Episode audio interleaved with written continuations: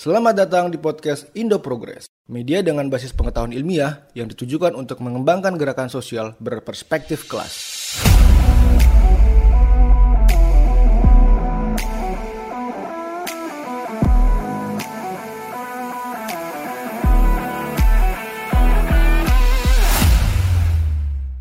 Halo semua, apa kabar?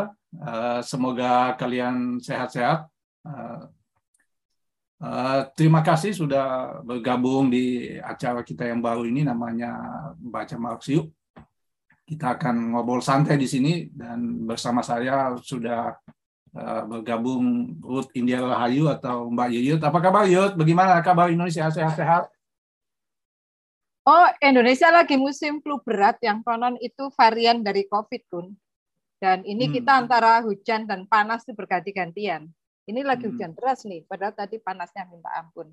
Jadi ini lagi banyak yang tumbang eh, sakit dan itu bisa COVID, bisa apa gitu ya. Saya sendiri hmm. juga habis tumbang cukup lama, dua mingguan gitu ya. Waduh. Berat. Jadi di iya, Indonesia ya, ya. itu keadaannya. Hmm. Uh, udah itu nggak punya duit soal lain lagi kan? sama sama. Di ya, sini ya. di sini juga gitu. Kita lagi naik ini soal apa, ya COVID itu sebenarnya orang lagi ini ya apa uh, bukan sudah hilang tapi orang sudah nggak mau peduli udah mau cuek gitu.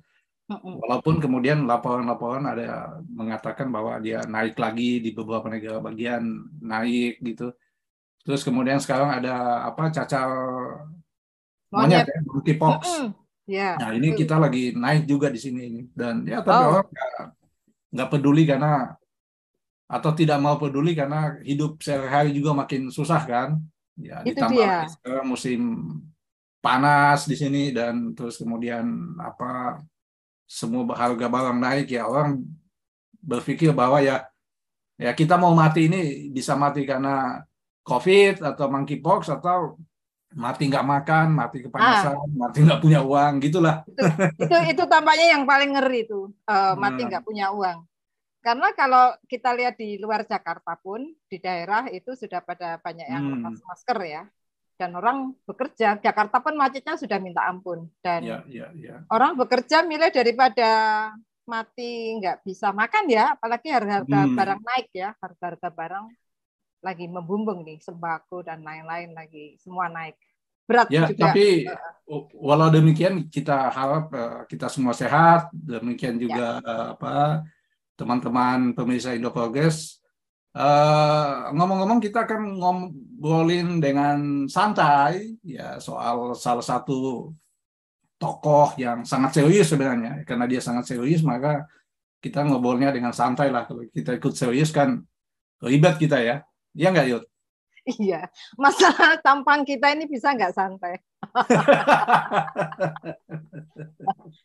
Ya, kita pengen ya. juga kayak kawan-kawan hmm. milenial yang santai kalau ngebahas. Ya, ya. Pengen juga seperti itu.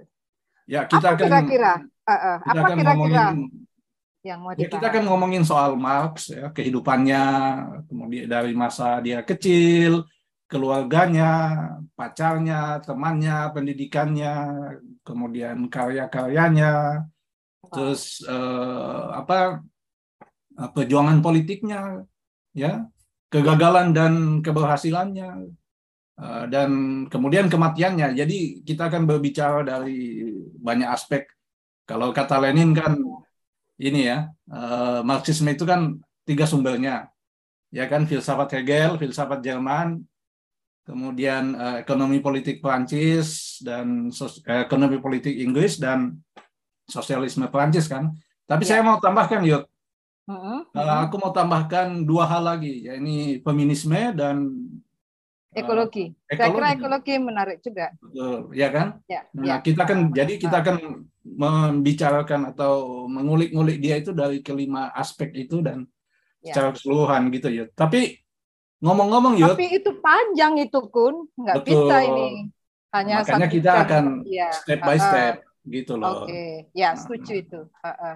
Nah, jadi berseri ya dan betul, para betul. pemirsa juga supaya mulai apa itu ya secara aktif untuk mengikuti seri-seri yang akan kami sajikan tentang Mark. Betul. Itu ya Kun ya. Okay. Ya ya ya. Nah Tapi ada yang tanya, Yud, apa sih apa?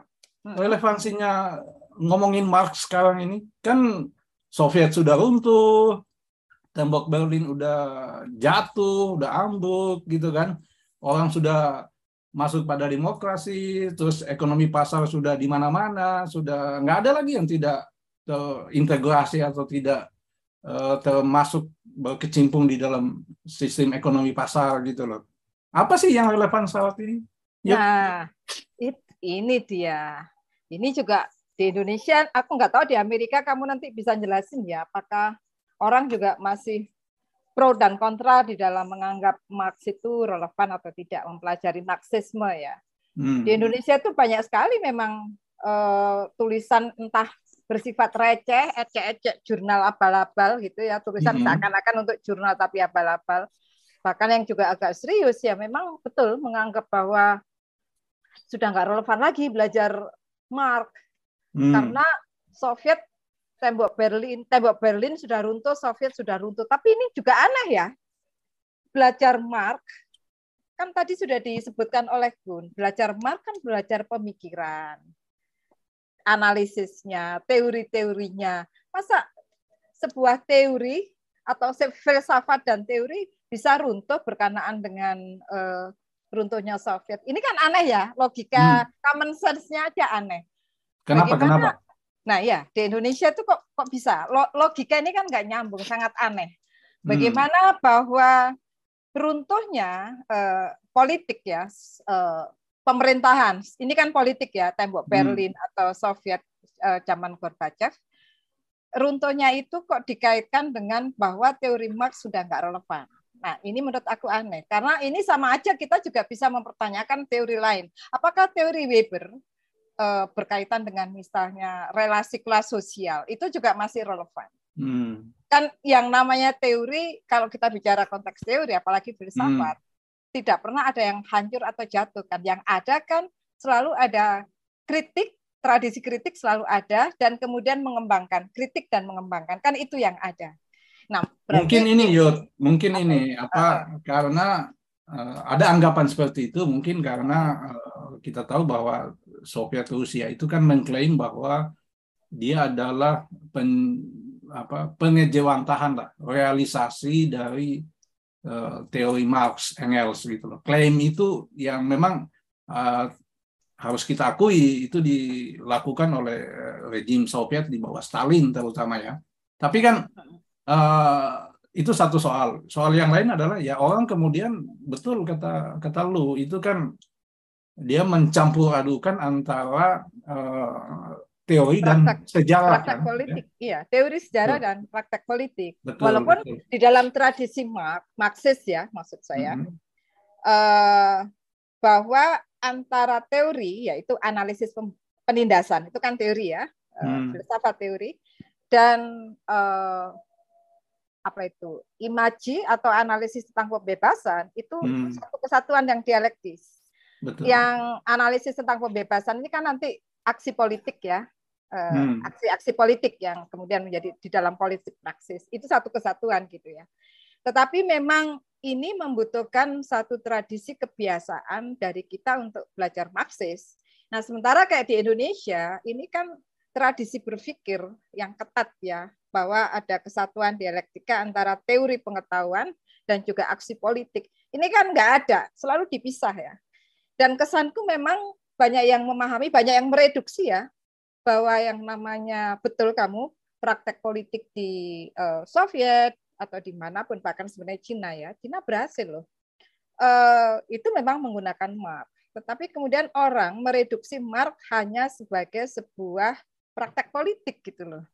Hmm. Tetapi yang direduksi dari Marx sebagai sebuah filsafat dan sains. Hmm. Nah, ininya kalau di Indonesia, mungkin kalau di Indonesia uh, tumpang tindihnya banyak ya, dihubungkan hmm. juga dengan komunisme, uh, hancurnya PKI tahun 65 dan lain-lain itu ya, hmm. tragedi dan lain-lain. Artinya tumpang tindih di Indonesia, ada stigma-stigma gitu ya. Hmm. Uh, mendengar Marx pasti ada stigma, wah oh, ini PKI yang mau menghancurkan hmm. negara Indonesia gitu ya. Mungkin ada tumpang tindih seperti itu sehingga di samping menurut aku adalah ketidaktertiban di dalam logika berpikir sehingga sering kali aksi atau praktek politik eh, atau orang cenderung mereduksi yang namanya praktek politik dari teorinya gitu loh.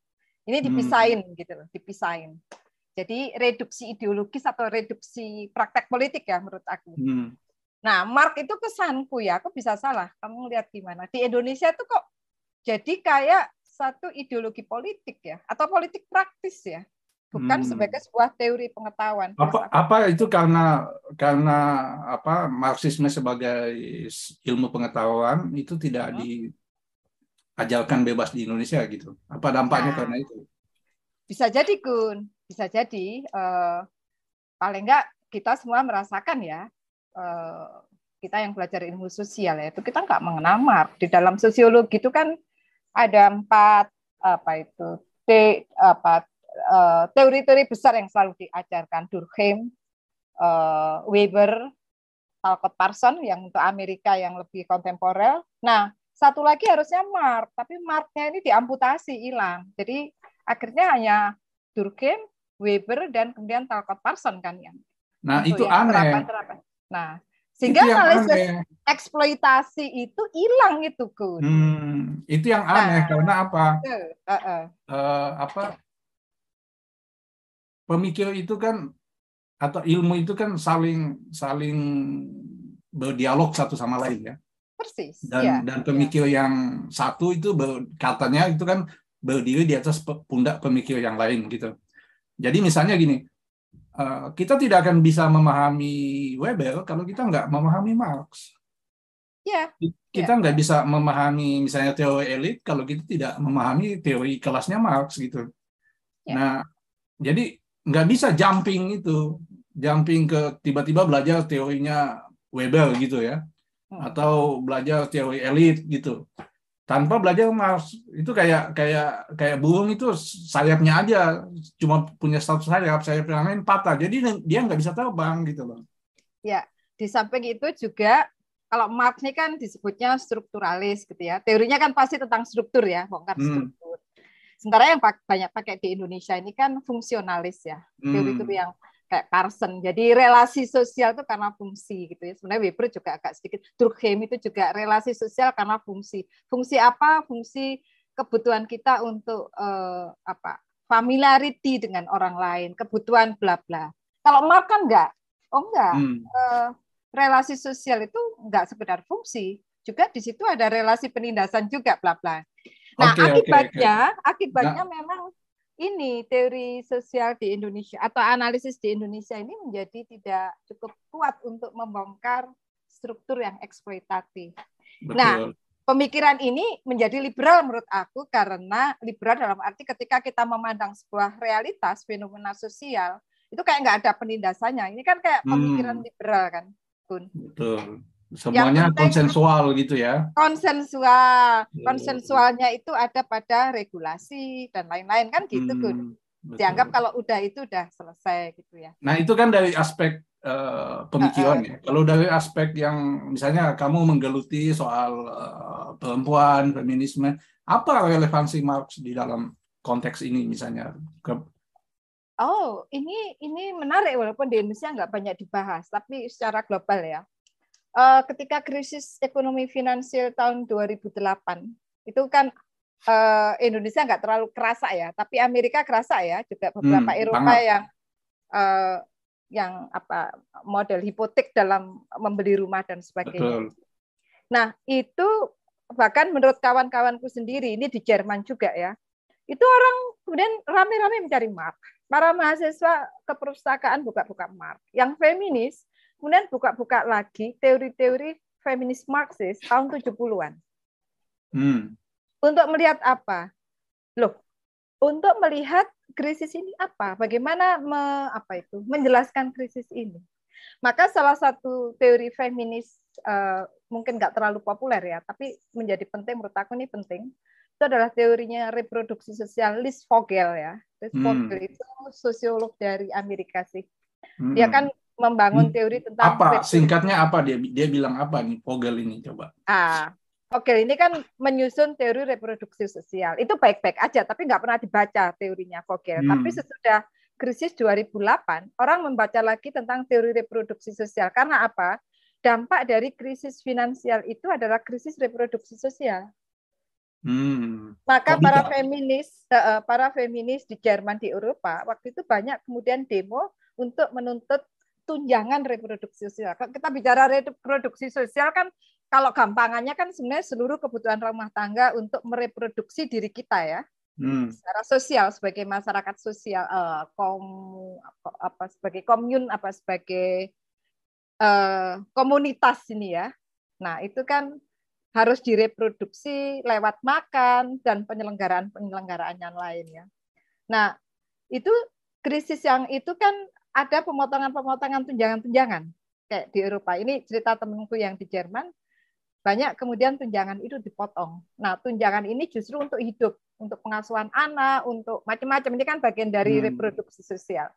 Akibatnya memang para feminis berkepentingan untuk aksi dengan hmm. menggunakan teori reproduksi untuk berargumen kepada pemerintah bahwa bagaimana dalam krisis finansial justru tunjangan untuk reproduksi lu potong. Ah, ini kan akan ambruk bangunan kualitas rumah tangga atau keluarga kita. Nah, nah gitu, hubungannya gitu. dengan Marx di situ apa?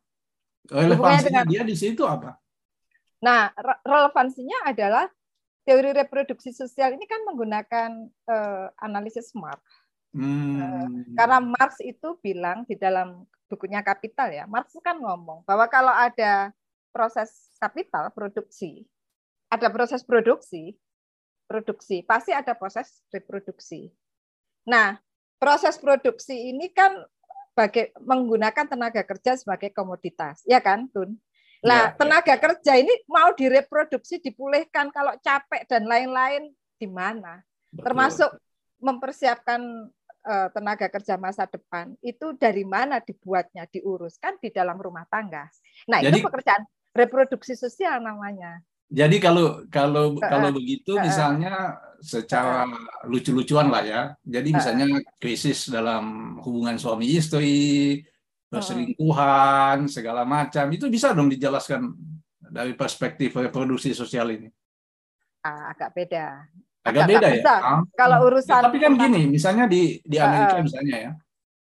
Di sini kan uh, perempuan itu tidak cukup perempuan dalam konteks baik dia single single single mother atau dia berkeluarga, dia tidak cukup bekerja satu jenis pekerja pekerjaan saja. Mayoritas perempuan di Amerika itu pasti punya pekerjaan lebih dari satu gitu, ya. Yeah. Dan dan itu artinya apa? Secara kasat mata, ya mereka lebih banyak berada di luar rumah ketimbang di dalam rumah. Maka nah, uh -uh. maka misalnya di sini ibu-ibu rumah tangga itu teman-teman kerja aku ya itu pusing kalau sekolah itu libur gitu loh. Karena apa? Karena anak-anaknya itu ada di rumah, sementara dia harus kerja gitu loh. Kalau anak-anak sekolah, anaknya kan ada di sekolah seharian, di diurus sama pihak sekolah gitu, dan dia bisa kerja lebih lebih nyaman gitu loh. Jadi yeah. lebih banyak waktu mereka di luar ketimbang di luar rumah ketimbang di dalam rumah, dan ini bisa bisa punya dampak macam-macam gitu. Oh, persis, Kun. Makanya kemudian problemnya ini kan juga problemnya berdasarkan kelas ya, kayak kelas buruh yang di pabrik gitu, waktunya kan diserap oleh produksi, proses produksi untuk lembur dan lain-lain kan. Pulang hmm. kan dia harus urus rumah tangga dan lain-lain, urusan reproduksi sosial, maka bebannya menjadi ganda. Nah, menjadi ganda karena dia tidak bisa membayar namanya asisten rumah tangga, nggak bisa nitipin hmm. anak ke daycare center dan lain nggak bisa membayar. Betul, Tapi betul. kalau dia kelas menengah atas, dia bisa membayar asisten rumah tangga atau menitipkan ke sekolah yang mahal hmm. yang sekaligus me, apa, merawat anak-anak, menjaga anak-anak hmm. ini gitu loh. Ini oh, problem kelas juga. Uh, okay, bicara okay, tentang reproduksi sosial. Oke, okay. tapi ya. kemudian itu itu ini serius di seluruh dunia. Jadi krisis reproduksi sosial, COVID ini juga bikin krisis reproduksi hmm. sosial. Hmm. Cuman kalau pun lihat ini kan gejala umumnya ini kita makin dijauhkan dari kesadaran bahwa krisis reproduksi itu juga berdampak ke krisis reproduksi sosial hmm. dan sebaliknya. Kalau sekarang ini kan seakan-akan semua dibuyarkan bahwa lewat pemilu, lewat demokrasi elektoral itu semua akan selesai karena kita akan memilih hmm. pemimpin yang nanti akan mengurus itu semua gitu loh. Hmm. Kita kan dibuyarkan oleh ini kan, Gun, uh, ya. satu anggapan tentang bahwa krisis-krisis ini nggak ada gitu atau krisis-krisis hmm. ini akan diselesaikan nanti lewat pemilu-pemilu elektoral ini gitu kan. Nah, ini Oke, okay, oke. Okay. Pemikiran liberal ini yang berkembang. Nah, okay. gimana ya? Aku mungkin mau nambahin soal ini. Uh, apa?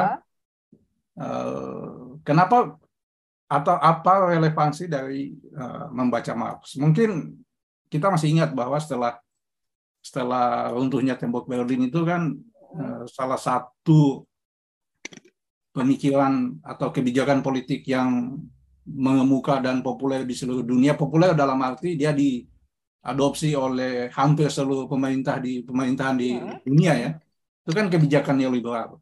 Ya. Nah, salah satu janji kebijakan neoliberal itu adalah uh, setiap orang punya kesempatan yang sama untuk meningkatkan taraf kehidupan ekonominya, ya kan?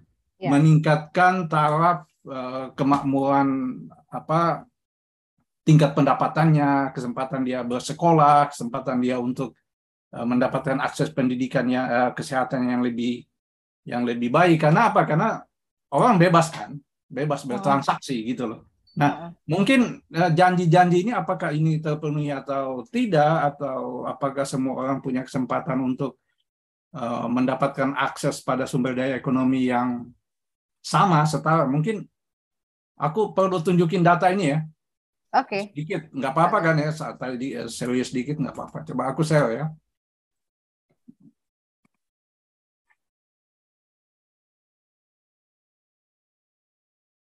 belum kelihatan. Gedein bisa nggak Kun ya coba tunggu. Kelihatan nggak? Ya. Ya, nah ini coba lihat. Ini kita ini di tingkat di level dunia ya. Ini ada satu data satu tabel yang menunjukkan bahwa ini yang yang biru-biru ini adalah eh, 50% penduduk berpendapatan rendah ya. Kemudian hmm. yang yang hijau ini hijau muda ini tengah, yang merah ini adalah 10% orang yang berpendapatan uh, 10% orang di lapis atas gitulah ya. Nah, ini 50% terbawah ini ternyata ini berdasarkan data tahun 2021 ini hanya menguasai 2 persen dari uh, sumber daya ekonomi dunia gitu. Wah. Yang okay. 50% ini loh, penduduk miskin ini hanya menguasai penduduk bukan penduduk miskin ya bahasanya ya. Penduduk di lapis bawah ya. Uh -uh. Itu hanya menguasai 2% dari sumber hmm. daya ekonomi dunia. Sementara yang 10% penduduk lapis atas, ya, hmm. Hmm. berarti kan kecil sekali kan, hanya ya. 10 persen loh, ya, itu menguasai 76 persen dari sumber daya ekonomi dunia gitu. Jadi janji neoliberal akan uh, kesempatan yang sama bagi setiap orang untuk mendapatkan akses ekonomi itu terbukti tidak tidak terjadi gitu loh. Ya, yang ada adalah kesenjangan ekonomi. Yang Dan satu lagi, neoliberal itu justru prakteknya di negara-negara sedang berkembang ya kayak Indonesia atau mantan jajahan. Mm-hmm. Itu justru yang mengerikan adalah adanya pemotongan SAP itu apa ya? Eh, program penyesuaian struktural. Hmm. Yaitu pemotongan justru barang-barang kebutuhan reproduksi sosial seperti air kan kemudian ada hmm. privatisasi di Indonesia tuh jelas ya eh, tahun 80-an ke atas sesudah Indonesia sendiri masuk ke ke apa ini ke circle hmm. atau ke ekonomi neoliberal tahun 85 ke atas ya itu kemudian yang diprivatisasi diprivatisasi hmm. itu air listrik nah ini kan hal-hal yang fundamental yang berhubungan dengan Betul. reproduksi sosial yang jadi yang yang akibatnya Iya. Hanya segelintir orang kan yang yang bisa Iya, yang kayak tadi. Karena berbayar nah, kan akhirnya. Betul. Nah, yang miskin itu kan juga bisa diperparah karena harusnya mereka tadinya dapat subsidi dari pemerintah untuk hal-hal yang fundamental, air, listrik ya dan beberapa hal hmm. lainnya ya, termasuk sembako, beras. Lalu kan kemudian mereka harus membayar penuh. Yang hmm. sama dengan kelas yang 76% yang kaya tadi. Betul. Nah, itu kan tadi nah, uh, di tingkat uh, global ya. Coba iya. nah ini sekarang yang di uh, tingkat nasional coba kita lihat ya. Uh,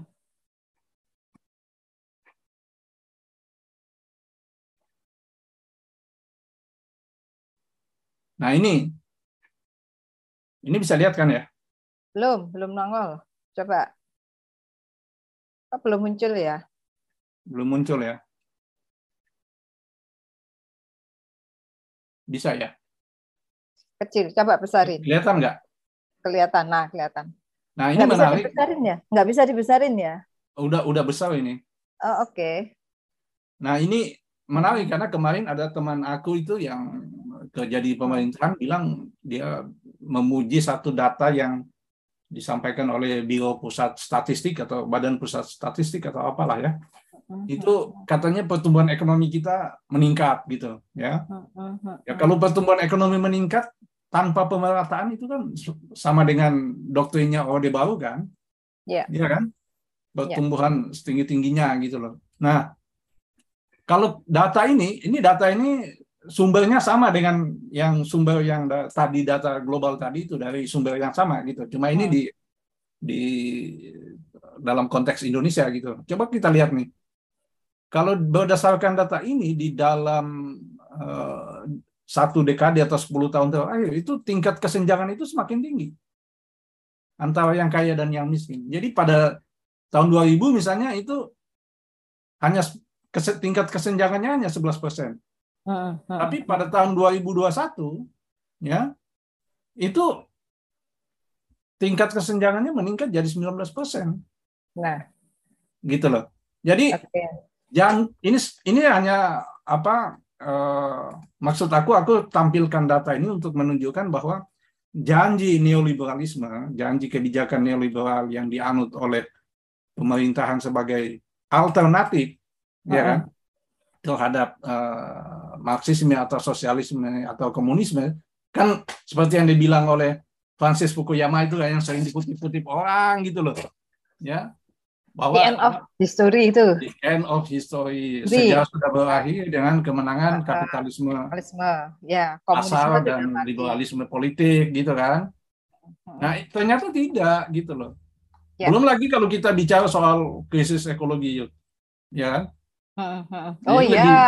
Lebih, parah lagi, ya Karena kan? krisis 90-an, 96, 9 apa, khusus untuk Indonesia yang diakhiri dengan yang namanya gerakan reformasi itu itu 98 ya, sudah 98 hmm. itu merupakan titik tolak peralihan Indonesia dari tadinya berbasis pada industri manufaktur kemudian ke ekstraktif. Lah ekstraktif kan hmm. kan makan makan atau menghancurkan ekologi karena Betul. mereka menggunakan untuk mencari bahan-bahan raw material itu kan mereka dari menggali tanah kan tambang, hmm. perkebunan besar-besaran dan lain-lain. Dan dunia kan membutuhkan itu untuk menambal krisisnya ini kan. Hmm. Uh, uh, uh, untuk menambal tapi ya untuk memulihkan krisisnya. Tapi kan kemudian negara dunia ketiga inilah yang kemudian dieksploitasi untuk eh, apa memulihkan krisis negara maju, tetapi yang dieksploitasi adalah eh, bentang ekologisnya itu. Nah ini yang menarik yuk.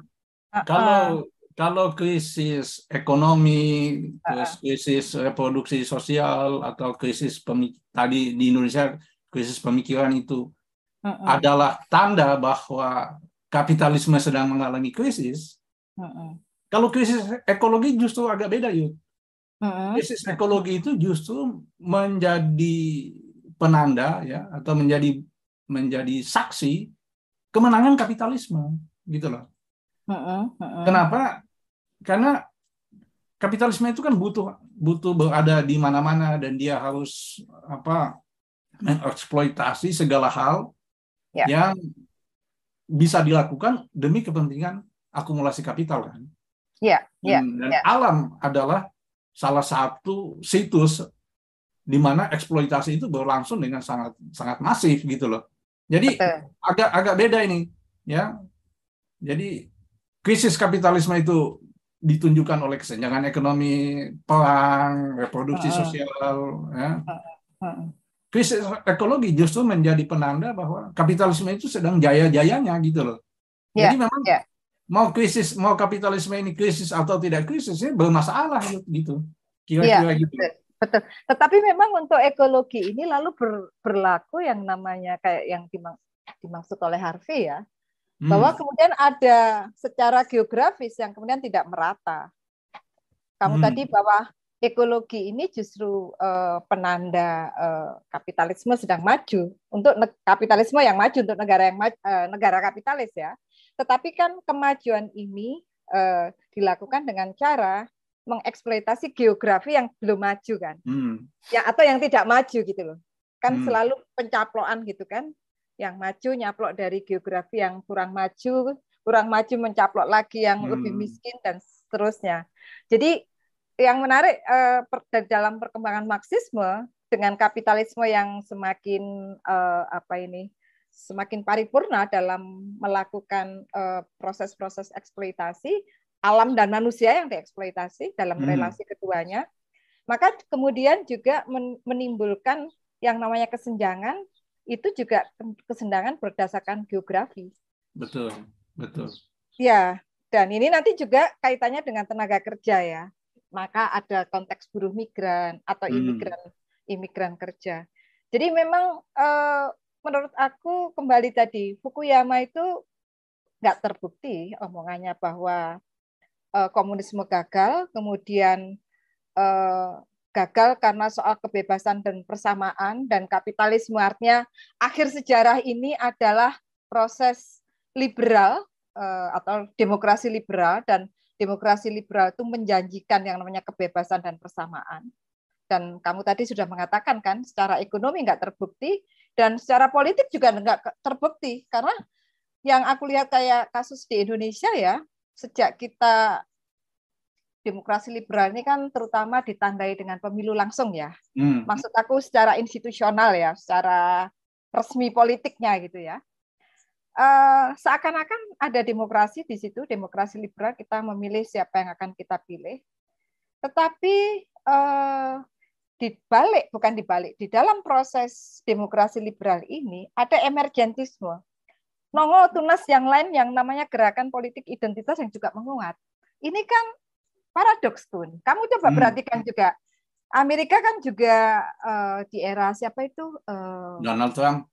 Nah, Donald Trump kan juga sangat politik identitasnya kan kuat kan? Uh, Protestan yeah. yang kayak gitu. Terus juga di India, Hindunya kan juga menguat ya. Artinya politik-politik identitas berbasis agama dipakai. Dan di Indonesia juga. Hmm. Justru uh, walaupun gerakannya katanya sudah lama, tetapi sebenarnya justru sejak yang namanya reformasi gerakan reformasi atau demokrasi liberal itu di, di apa dijalankan secara resmi politik identitas berdasarkan agama menguat ya memang di Indonesia Islam di sini tapi Islam tertentu saya nggak ngomong Islam secara keseluruhan ya tapi gerakan itu eh, berkembang dan uniknya lagi ini juga kalau kita lihat sejarah ya setiap gerakan-gerakan yang identitas ini berkembang, arahnya nanti akan ke fasisme lagi gitu loh. Coba hmm. perhatikan Hitler dan lain-lain. Nah, kalau sudah arahnya ke gejala fasisme, itu pasti ditandai juga dengan politik untuk membelenggu perempuan kembali. Nah, hmm. Kalau di Indonesia poligami, perempuan suruh poligami, kawin muda, banyak anak kayak kayak gitu.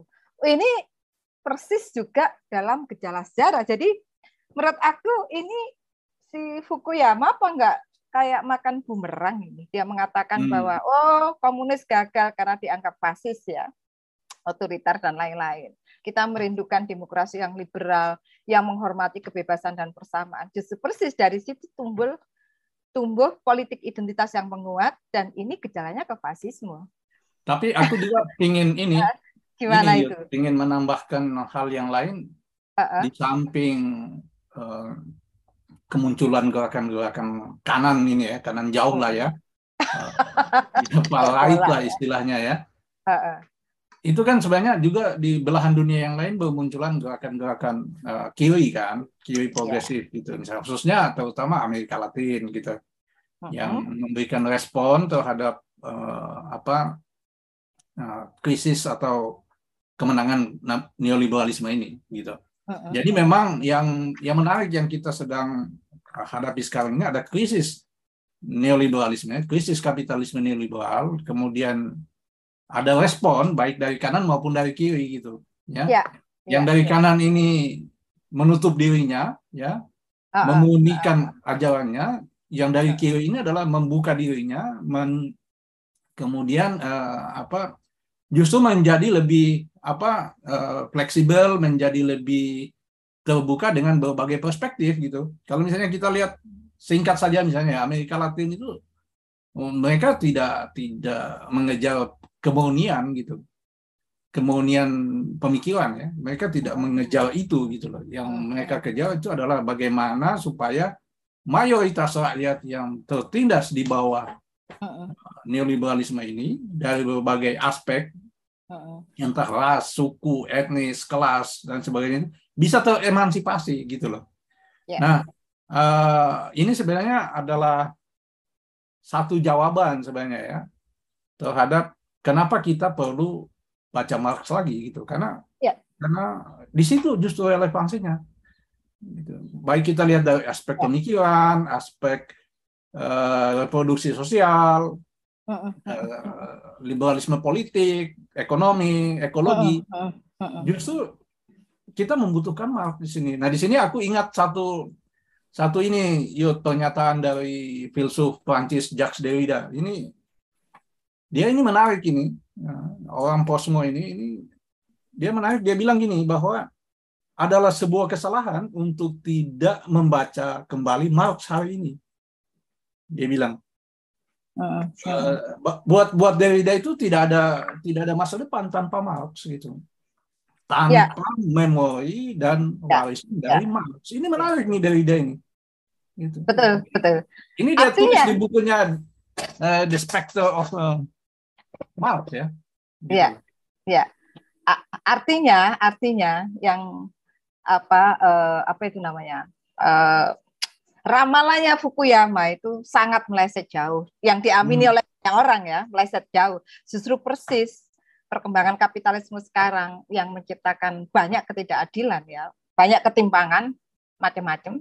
Itu justru mempelajari Marx menjadi relevan lagi karena justru persis Marx dan Marxisme ya artinya juga uh, para pengikut Marx yang lain yang mengembangkan itu juga uh, apa uh, apa itu namanya ingin menunjukkan yang namanya eksploitasi itu di berbagai bidang. Yang kontemporer misalnya ya uh, menarik ini. Sekarang kita di era digital ya. Christian hmm. itu Christian Fuk itu mengatakan bahwa jangan salah di ranah yang namanya digital ini apa medsos dan lain-lain kita semua itu akhirnya menjadi buruh gitu kan. Karena siap ngeklik, kita menjadi buruh yang sukarela. Ya. Apalagi sekarang banyak konten kreator dan lain-lain. Setiap betul, kita membaca, ngeklik, itu sama dengan kita ini menjadi buruh mereka karena kita memberikan nilai lebih kepada mereka. Ya, nah, ya, artinya ya. marxismenya makin berkembang ya. Jadi uh, aku yakin juga kok uh, bahwa mempelajari Marx justru sangat relevan buat kita semua justru persis kalau kita ingin membongkar struktur-struktur eksploitasi ya di semua ranah sekarang, tak hanya dunia sosial tetapi juga dunia apa itu namanya medsos ya atau dunia virtual ya. Ya, oke. Okay. Uh, eh, jadi uh, agak jelas ya kenapa relevan kembali buat kita untuk baca Marx ini. Nah mungkin kita santai-santai aja dulu ini. Yuyut kalau mau minum kopi silahkan gitu. Uh-uh. Produser kita Akbar Rafsanjani kalau mau santai-santai juga silahkan. Nah, sambil santai kita baca yuk nih apa beberapa ada yang nanya ada yang nanya tuh Kun, apa? yuk yuk apa apa? kok belum bahas masa hidup Mark? Bukan kali ini ya bukan di seri oh santai-santai. Kita pelan-pelan lah eh. ya. Pelan. Nah, kita sekarang eranya kita masih mau uh, bukan mempertanyakan. Kita masih akan mengatakan betapa relevannya saat ini kita belajar Marx. Kan gitu ya, Kun ya? Ya, ya, ya. Yang produksi perdana kita bertemu dengan teman-teman pemirsa kita Betul. ngomong itu dulu deh. Mm-hmm. Jadi supaya uh, kita tahu kenapa sih belajar mar kok perlu gitu kan. Bukan mau ngangkat PKI kan. uh, iyalah, itu kan itu kan black propaganda. Kan, lah, selalu kan begitu. Oh, mau iya. Orang bicara Marx selalu mengangkat PKI. Wah, siapa gitu loh. Ya, itu iya kesalahan iya, kan? sejarah. Kesalahan sejarah yang di Indonesia itu kan hanya ada dua hal katanya yang yang Tuhan tidak bisa campur tangan. Pertama adalah menghidupkan kembali PKI dan kemudian yang kedua adalah membuat sepak bola Indonesia juara dunia, juara Piala Dunia. Itu nggak bisa gitu katanya. Itu loh. Ya, dua ya, hal ya. itu di luar di luar kemampuan gitu loh. Oke. Okay. Oke, ini ada okay. komentar dari uh, Bung Nur Wahyu Mai Mai Alfian. Diajarkan di sosiologi, tapi Marx mungkin ya. Diajarkan oh, di sosiologi, tapi ya, secara ya. periodisasi, klasik, modern, kosmo. Ya, ya. Marx dimasukkan ke teori klasik, Durkheim, Weber. Ya. Durkheim, Weber, Durkheim ya. Entah ya, apa. Durkheim. Ya. ya, ini teori klasik Durkheim, Weber. Oh kok Durkheim, Parson ini harusnya. Parson misalnya, Parson. mestinya ya.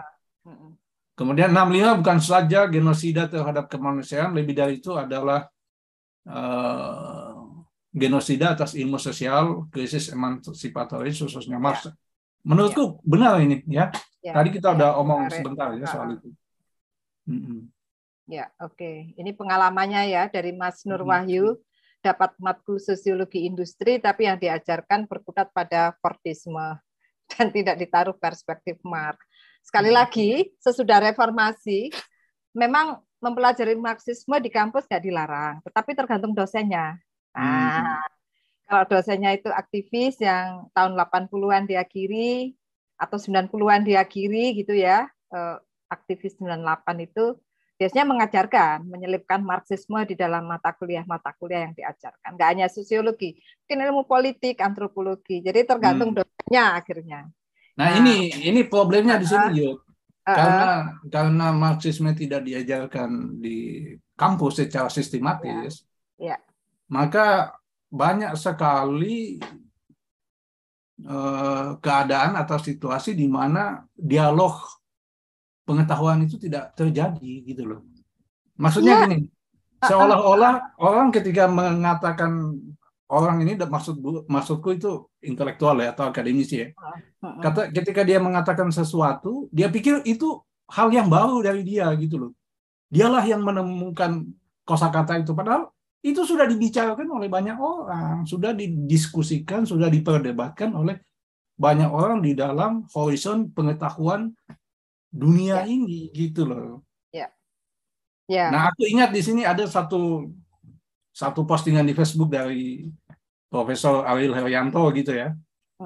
Sorry aku kutip dia di sini karena terkait dengan isu ini. Jadi dia pernah menulis satu status di Facebook bahwa katanya tem teman dia di di Belanda itu uh editor satu jurnal uh ilmiah di Belanda itu pernah ber, bercerita ke dia gitu loh kayak mungkin berkeluh kesah gitu atau curhat gitu bahwa banyak tulisan dari akademisi di Indonesia di jurnal yang dia edit itu kok tulisannya tidak tidak terlibat di dalam pergumulan teoretik di lingkup internasional gitu loh. Ya. Ya. Seolah-olah ya. yang dia tulis itu adalah temuan dia gitu loh. Ya, karena itu tadi sudah di, kita bahas di awal, tradisi kritik kan nggak ada di sini. Hmm. kritik teori, ya, kritik teori itu kan nggak ada ya. Mungkin hmm. yang sekolah di filsafat baru agak merasakan yang namanya hmm. dibiasakan untuk selalu berada dalam kritik teori ya. Hmm. Sehingga kita nggak merasa bahwa itu baru karena kalau kita kritik teori kan selalu kita harus melihat misalnya kita membaca Marx maka dua di atas atau tiga di atas Marx yang dikritik siapa? Kalau Marx kan hmm. Feuerbach, ada Hegel, ada hmm. Kant. Kant itu juga dikritik, tetapi Marx ngeritik hmm. itu bukan membuang, apa itu panjat ya memanjat Betul. memanjat menggunakan tapi juga mengkritik gitu loh Betul. nah eh, ini yang nggak nggak terlatih di dalam eh, apa itu ya sekolah yang ilmu sosial terutama apalagi yang ilmu natural ya hmm. tetapi di filsafat eh, apa baik sekolah filsafat yang secara khusus ataupun mungkin fakultas filsafat, setidaknya di Indonesia tradisi kritik diajarkan. Walaupun hmm. sekali lagi tergantung juga ya uh, nuansa atau cuaca dari atau tradisi di dalam kampusnya itu sendiri hidup hmm. apa enggak. Nah, pemikiran Mark itu di di, kamp, di kampus filsafat biasanya bukannya diajarkan, biasanya kan ada pilihan-pilihan dan salah satu pilihannya misalnya kita khusus mengupas tentang Mark gitu ya, pemikiran, hmm. kehidupannya dan lain-lain. Itu masih ada kebebasan untuk dan dibahas. dan akibatnya uh, adalah uh, uh. Uh, orang membaca Marx itu secara karikatural gitu. Jadi kayak hanya sampiran ya. Sampiran gitu. Dan ini Marx cuma diambil kayak kata-kata yang di quote itu loh. Apa itu? Mengambil Marx seakan-akan pakai teori Marx, tapi sebenarnya cuma kutipan atas kata-katanya hmm. itu loh. Yang paling Kalau terkenal itu agama adalah candu, candu masyarakat. Nah. Aduh. Ini kan pengkutipan yang tidak melihat apa itu keseluruhannya itu konteks Marx ngomong itu itu apa? Hmm. Kayaknya itu akan kita bahas ya di kemudian kalau kita ya. nanti juga nyangkut soal. Tapi tapi proses di situ di apa yang kamu ya. bilang uh, mencabut Marx dari konteksnya itu keseluruhan. Nah, itu mungkin yang kita akan omongin di sini di di di bagian selanjutnya inilah ya. ya. Apa sih uniknya baca Marx kita ini dengan yang lain gitu? Kan banyak orang yang membaca Marx, banyak buku yang sudah ditulis tentang Marx gitu kan. Uh, banyak kajian, banyak banyak sekali lah ya. Apa apa uniknya kita gitu loh, ya. Ya.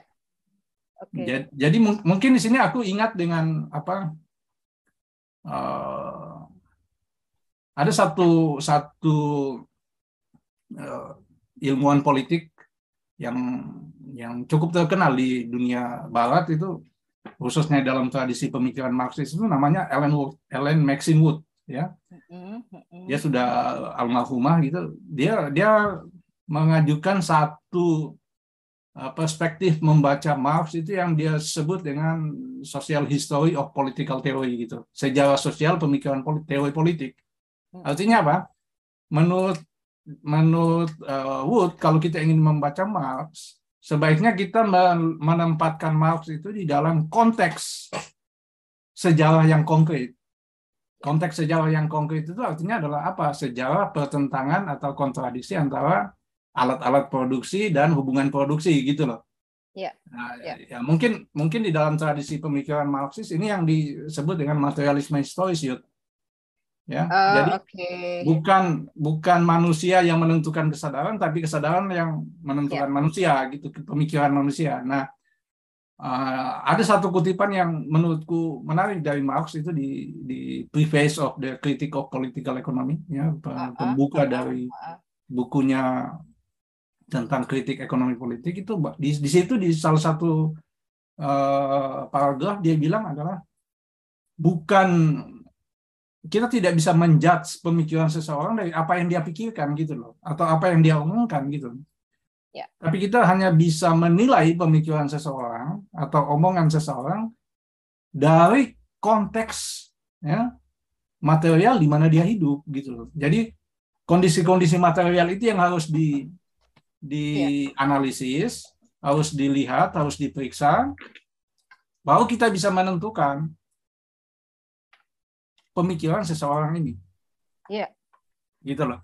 Jadi Benar. subjektivitas itu uh, menjadi menjadi minor gitu di dalam di dalam kita mengkaji pemikiran seseorang bukan karena suka dan tidak suka gitu loh terhadap pemikiran si A, si B atau apa yang dia sampaikan, apa yang tidak dia sampaikan, tapi konteks apa yang membuat dia melahirkan pemikiran atau omongan seseorang itu. Nah, aku ingin mungkin menurutku cara kita membaca Marx itu uniknya di situ. Jadi kita menempatkan Marx ya. hidup dan pemikirannya itu di dalam konteks zaman uh, material di mana dia hidup dan beraktivitas. Ya. Kira-kira gitu, Yud. Gimana menurutmu? Iya, setuju aku. Ini juga ada buku agak lama ya, uh, David McClellan. Uh-huh. Uh, antara lain judulnya Karl Marx, His Life hmm. and Thought. Ini enak banget kalau dibaca, walaupun buku, buku nggak lama sih tahun 71, eh 81 ya, iya tahun hmm. 81. uh, di sini dia enak membuat pembabakan uh, Marx waktu kecil. Suasana Berlin atau Jerman waktu kecil kayak apa? Hmm. Ketika dia menjadi apa itu murid, itu tradisi pengajaran di Jerman waktu itu kayak apa, membentuk apa gitu kan, kayak kayak gitu. Terus era di Paris. Nah ini Kun, karena itu buku McClellan ini juga mengkritik pembabakan orang di dalam uh, membaca Marx yang sering kali di, dibacanya di dua periode, Marx muda dan Marx tua. Hmm. Ini salah kaprah ya, salah hmm. kaprah ya. Karena konteks historisnya bukan Marx muda dalam arti usia dan Marx tua dalam arti usia ataupun pemikiran, tetapi itu adalah konteks Marx awal, mungkin lebih tepat. Itu Marx ketika dia di dalam cuaca filsafat kan di dalam hmm. ide apa cuaca idealisme Hegel eh, idealisme Jerman ya itu kan hmm. semua mahasiswa anak-anak sejak kecil itu sudah dicekoi dengan filsafat kan karena memang hmm. belum ada sains belum terlalu berkembang kan jadi filsafat itu adalah uh, bagian dari uh, atau filsafat itu adalah ada kesepadanan dengan sains karena sains belum berkembang sespesifik sekarang. Nah, jadi Marx awal itu adalah tentang filsafatnya. Nah, filsafat Marx ini yang jarang dibaca oleh orang. Apa hmm. ontologi Marx? Apa kalau kita bicara tentang tadi yang kamu juga bilang soal membaca secara materialis ya, itu kan hmm. artinya eh, apa? Juga yang dipikirkan Marx tentang konteks materialisme itu apa. Hmm. Nah, eh, itu kayaknya butuh waktu untuk membahas, tetapi maksud aku secara keseluruhan McLennan akan mengatakan bahwa Marx awal adalah Marx ketika dia banyak menulis tentang filsafat karena memang cuacanya mempengaruhi dia hmm. seperti itu. Marx yang kemudian setelah yang kamu tadi bilang uh, masuk era Paris ya, setelah berkenalan dengan para sosialis yang lain, itu Marx yang mulai menurunkan filsafat ke dalam sains, sosiologi hmm. dan nanti ekonomi. Maka lahirkan buku-buku manuskrip yang ekonomi politik itu kan ya. Hmm. Lalu kapital gitu kan. Nah, itu selama ini kalau sukanya disebut oh itu era Marx tua padahal salah kaprah ya. Tetapi itu adalah era aku sepakat itu era Marx menurunkan filsafat ke ekonomi politik. Hmm. Jadi misalnya jadi misalnya nanti kita akan bicara tentang. Uh, Marx ketika dia atau keluarga Marx. Keluarga Marx ini hidup yeah. di dalam era seperti apa? Yeah, Kenapa yeah. dia convert uh, dari Yahudi ke Kristen gitu kan? Terus kemudian uh, Marx ketika dia sekolah, dia sekolah di dalam iklim pendidikan seperti apa, guru-gurunya seperti apa. Terus kemudian karya-karyanya, misalnya kalau kita, nanti akan membahas secara khusus mungkin nanti ya, mendiskusikan yeah, secara yeah, khusus yeah. disertasinya Marx gitu kan. Ya, nah itu jarang dibahas ya kan? itu. Marx itu apa sih? disertasi yang ditulis banyak yang nggak tahu bahwa ah, gitu. disertasinya tentang Demoskritus misalnya. Ya. Jadi memang kita akan uh, sangat sangat step by step ini yuk. Ya, ya. kita akan sehingga kita bisa menempatkan Marx dan pemikirannya itu ya. dan juga aksi politiknya itu sebagai satu kesatuan gitu. Ya. Dan aku juga cenderung untuk menempatkan Marx. Marx ini kan jurne ya, jalan kan dia nggak cuma di hmm. Jerman kan, ke ya. Prancis, ke Inggris era-era dia di Bonn, masa kecil kan dia di Trier, Bonn dan Berlin ya. Kemudian era Paris. Ya. Di kota Paris lalu dia di Brussels, kan dia pernah ngungsi juga ke Brussels kan. Ya. Nah, dia di situ menulis tentang materialist conception of history itu kan di Brussels. Terus era balik ke Prancis lagi ke Kolonye. Hmm. Justru ke Paris. Itu juga melahirkan banyak pemikiran. Dia rajin sorry aku lupa apa ya. Maksud dulu pemimpin redaksi majalah Raini Zaitung ya. Ah, New Raini Zaitung ya. Itu era kolonial. Kalau nggak salah pengasingan ya, fungsi ya. ya. Terus terus dia ke London atau Betul. nah ke London tuh lah nulis Kapital. Iya, kayak kayak gitu. Di situlah kemudian kita nanti bisa juga naruh. Maksud aku, aku juga ngusulin mempelajari kehidupan Mark nanti dan pemikiran juga bisa berdasarkan kota-kota karena ya, Marx ini kan journey ya Betul. Di sini dia nulis apa, di sini apa, di itu, London nulis apa. Itu penting sekali uh, untuk kita tahu kenapa dia menulis itu gitu loh. Ya, betul, betul. Bukan hanya mau-maunya dia gitu, tapi ada satu konteks sosial, politik, ekonomi yang uh, melatar belakangi dia dan juga Engels nantinya ya, ya untuk ya. untuk menulis itu gitu loh. Ya. Kayaknya Engels juga perlu kita singgung ya, karena juga ada loh. Oh jelas, ya. sangat penting. Karena membicarakan Marx nggak akan lengkap kalau nggak sahabatnya ini juga. Termasuk istrinya, itu perlu. Ah ya, istrinya Engels itu kan. Bukan istrinya Marx. Oh, istri Marx. Oh, kita pikir istrinya. Itu penting sekali, itu yang ya. sangat dilupakan dan dan ya, betul. apa? Pakat aku. Uh, jadi keunikan kita dari Eh, kita membaca Marx ini mungkin mungkin bisa diringkas dalam satu kalimat yang ditulis Marx dalam uh, apa 18 Brumaire of huh? Louis Bonaparte itu loh. Ya, ya, ya, bahwa manusia membuat sejarah tetapi dia tidak bisa terlepas dari kondisi-kondisi sosial yang melingkupinya gitu loh. Ya, ya. Dia tidak bisa membuat sejarah seenak maunya dia gitu loh. Ya, ya. Ya kan? Ya. Nah, mungkin di situ uh, ringkasnya kita keunikan kita membaca di dalam membaca Marx ini.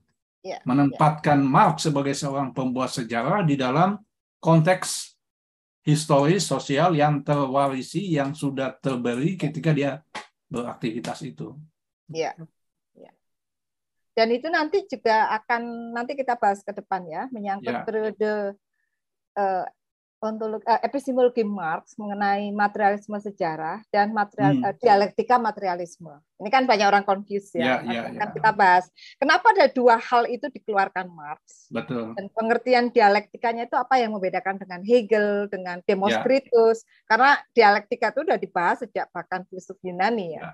Kita butuh okay. sesi tersendiri ya. Tersendiri ya. Kita step by step lah ya. Ya. Jadi kawan-kawan ada Jadi beberapa untuk, komentar ini Yud masih ada yeah. komentar tuh rupanya ini. Jadi Yoga Nata, saya percaya Marx itu nabi, nabi modern. Saya enggak. Jangan disebut nabi. Ini malah iya. glorifikasi kayak begini malah Betul. membuat Marx tidak hmm. sehat pemikirannya Marx malah tidak sehat. Saya enggak enggak apa ya, saya cenderung untuk menjauhkan dari glorifikasi ya. Hmm. Ketika kita mempelajari seseorang pemikirannya, jauhkan dari glorifikasi. Karena nanti hmm. Anda akan terjebak pada uh, apa itu kultus ya sehingga tidak hmm. kritis lagi untuk mempelajari pemikirannya. Setuju. Nah setuju. itu. Uh, uh. Ya dia manusia biasa seperti kita gitu. Ya, ya ada kekurangannya. Daging, uh, uh, makan, minum, punya nafsu seksual dan sebagainya gitu. Hmm. Terus kemudian kita mau menggali dulu apa perlunya belajar Marx untuk konteks kita sekarang. Ya itu tadi ya kita sudah Tadi sudah dibahas ya Mbak Elvina di awal-awal tadi. Makanya untuk awal ini kita nggak membicara, kita belum masuk ke uh, kehidupan dan pemikiran Marx. Kita baru kayak promosi ke kawan-kawan. Ini loh nanti bentangan-bentangan hmm. yang akan kita bahas dan metode kita membahas mengenai Marx. Ya. Itu tadi ya berdasarkan kota apa. Gunuise kapan diterjemahkan ke bahasa Indonesia? Buku pengantar yang sangat penting untuk memahami das kapital dari Sulhi Islam, Islami. Waduh, itu Waduh, pertanyaan ini... misterius. soal, iya iya iya. Ya, Berapa ya. sih sebenarnya dari Gunrise sudah ya apa ceperan apa apa itu serpian serpian itu sebenarnya Anda bisa klik sih di mark aksif yang berbahasa Indonesia beberapa diterjemahkan. Hmm. Tidak keseluruhan gitu. Tapi kalau kawan-kawan cukup rajin ya cari-cari terjemahan sebenarnya ada karena itu dikerjakan seingat saya oleh kawan-kawan aktivis sejak 80-an ya yang kiri yang hmm. Marxis ya mulai pekerjaannya nerjemahin lalu di hmm. waktu itu zaman itu belum ada internet tapi setelah ada internet kemudian mulai diposting diposting yeah, yeah. ya nah itu saya kira kita bisa googling ya Sepian-sepian ya, ya. ada, sepian-sepian. Hmm. Tidak keseluruhan. Kemudian ini mungkin nggak ajaran Marx diterapkan di negara yang berideologi Pancasila. Nah, kalau baca sejarah kelahiran Pancasila itu ya sangat tidak Marxis. terlepas dari Marxisme gitu. Ya. Itu kan Bung Karno kan pencetus ideologi Pancasila itu kan dia pernah menulis satu artikel pendek ya. ya. Itu kan judulnya Islamisme, Marxisme dan Betul. nasionalisme kan. Nasionalisme nah, ya. agak apa ya? Nasionalisme, Islamisme Islamisme, Marxisme dan nasionalisme itu bisa dibaca ya. di kumpulan tulisannya di bawah hmm. bendera hmm. revolusi yang jilid dua itu ada. Uh, Menur menurutku Yud ya, ini uh, intermezzo uh, saja ya. Uh, yang tidak berubah dari Bung Karno Hmm. itu adalah spirit dari tulisan itu. Dari sejak dia muda sampai dia wafat itu, dia sepanjang karir politiknya dia selalu ingin uh, membuat ketiga ajaran yang atau ketiga aliran pemikiran politik yang dominan di Indonesia itu itu bisa bisa bekerjasama atau bisa berkoalisi secara harmonis gitu. Itu yang nggak berubah. Dan memang ide awal Soekarno ya sampai dia jadi presiden sebenarnya kan ingin sintesis tadi ya Marxisme, hmm. Islamisme dan nasionalisme sebenarnya ke dalam PN itu kan alat politiknya yeah. ya. Untuk sintesisnya itu di dalam praktek sosial bumi Indonesia gitu loh. Hmm, itu yang betul. mau dicari Soekarno.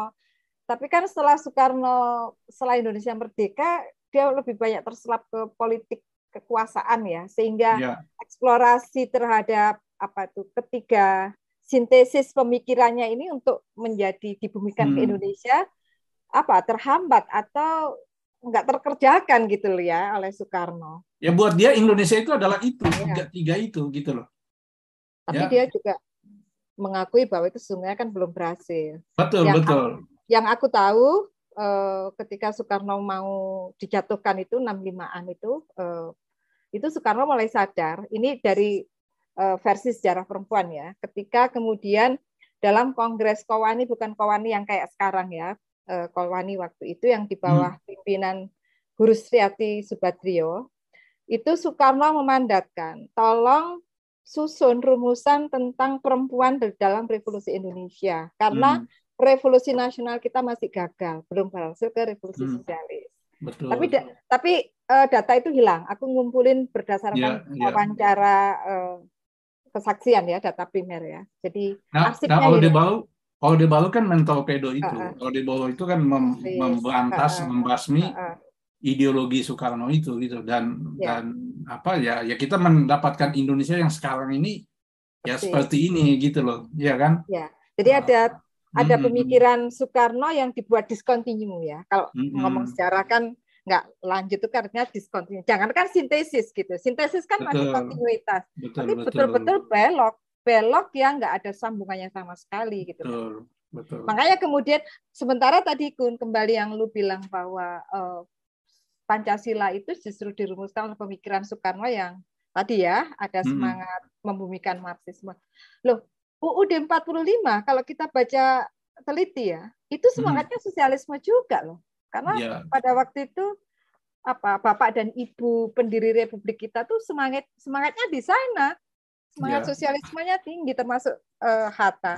Nah makanya begitu sejarah ini terpenggal ke orde baru yang nggak ada kaitan dengan masa lalu, Undang-Undang Dasar Pancasila kan kemudian sekarang kerasa nggak relevan. Betul. Betul. Kehilangan apa itu Spiritnya. garis historisnya, ya, gaya ya. spirit, tapi garis historis pemikirannya juga. Ya selain Betul. spirit ya. Makanya kalau sekarang orang ketawa dengar Pancasila, dengar UUD 45 karena ya iyalah sejarah yang sekarang ini memenggal aspek ya. historis dari uh, Pancasila dan UUD 45 itu sendiri gitu loh. Maka nah, maka uh, yang uh, mengaku Soekarnois uh, dia harus kalau dia mau dia komitmen mau mau dengan kesukarnoisannya ya dia harus mengeksplorasi kembali dan kemudian berusaha untuk mewujudkan cita-cita Soekarno itu, yakni membumikan nasionalisme, Marxisme. Islamisme dan Marxisme. Iya. Oke, okay, ini ada lagi dari Horace Johannes. Mungkin ya. aja sih Marx diterapkan, tapi lebih ke penerapan di kehidupan sehari-hari. Karena mengingat founding father kita Soekarno untuk melawan kolonialisme berpegangan pada ajaran Marx. Ya mungkin. Ya. Justru memang. Marxisme itu ngomong tentang kehidupan sehari-hari. Nanti hmm. ada pemikir-pemikir lain yang lebih men mengelaborasi lagi pemikiran Marx. Misalnya Henry Lefebvre ya. Hmm. Dia mengelaborasi tentang apa yang disebut konsep kehidupan sehari-hari dalam masyarakat kapitalis yang di situ penuh dengan eksploitasi. Jadi sangat mungkin diterapkan dan juga bisa ya. dianalisis dan lain-lain. Uh, di studi lebih jauh.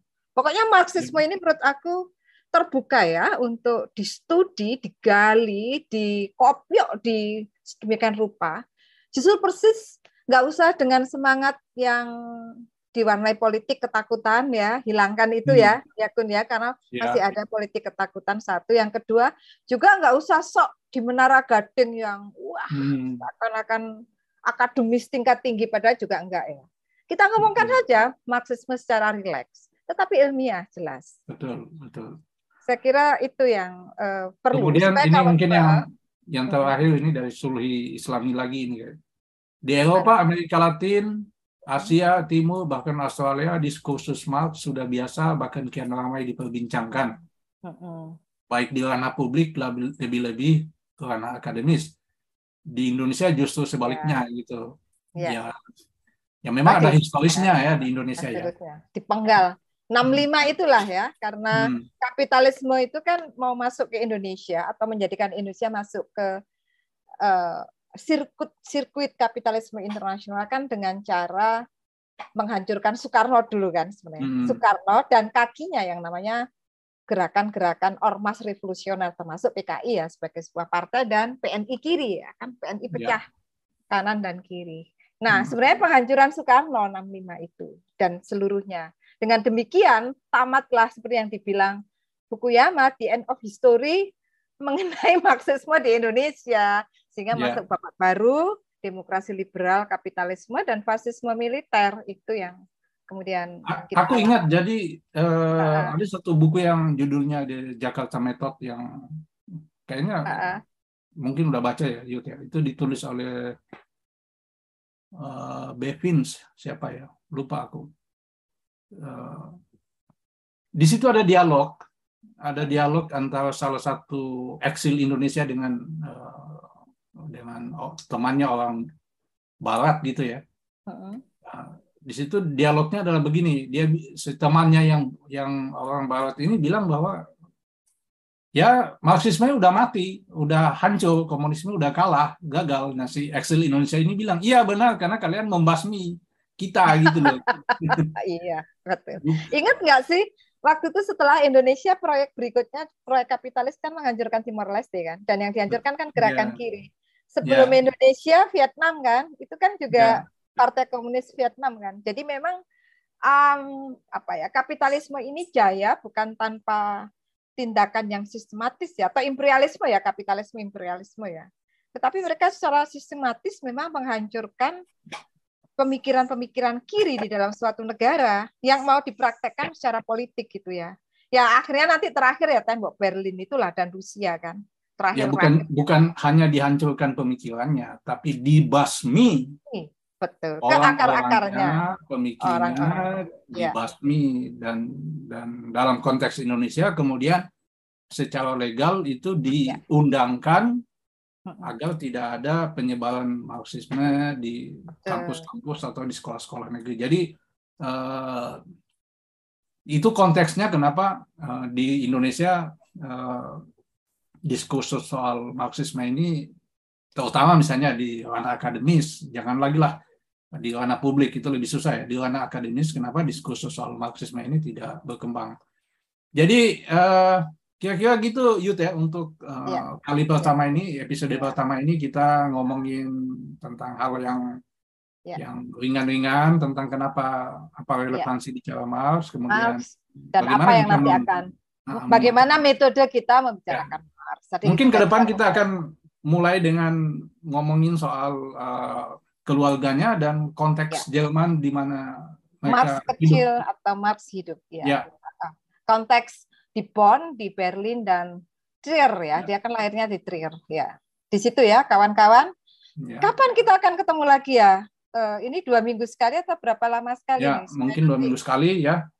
Kita kita ngobrol santai kayak gini jadi uh, terima kasih uh, semuanya, Yuyut jaga kesehatan. Sampai juga ya Kun ya. Di, uh, dan untuk kawan-kawan kita harapkan juga partisipasinya.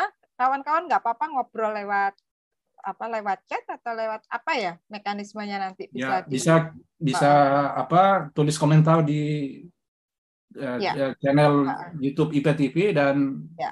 silakan uh, subscribe untuk ya bisa mengikuti ya. uh, selanjutnya dari acara baca Marx ini. Ya, oh iya Gun, menurut aku kawan-kawan mm -hmm. boleh juga mengusulkan apa yang mau didalami ya, ya, ya, dari pemikiran Marx, tetapi tetap saja nanti akan kita dalami tetap di dalam metode kami, metode era-era Marx, mulai kecil di kota apa, agak gede, agak gede di dalam ya. konteks itu.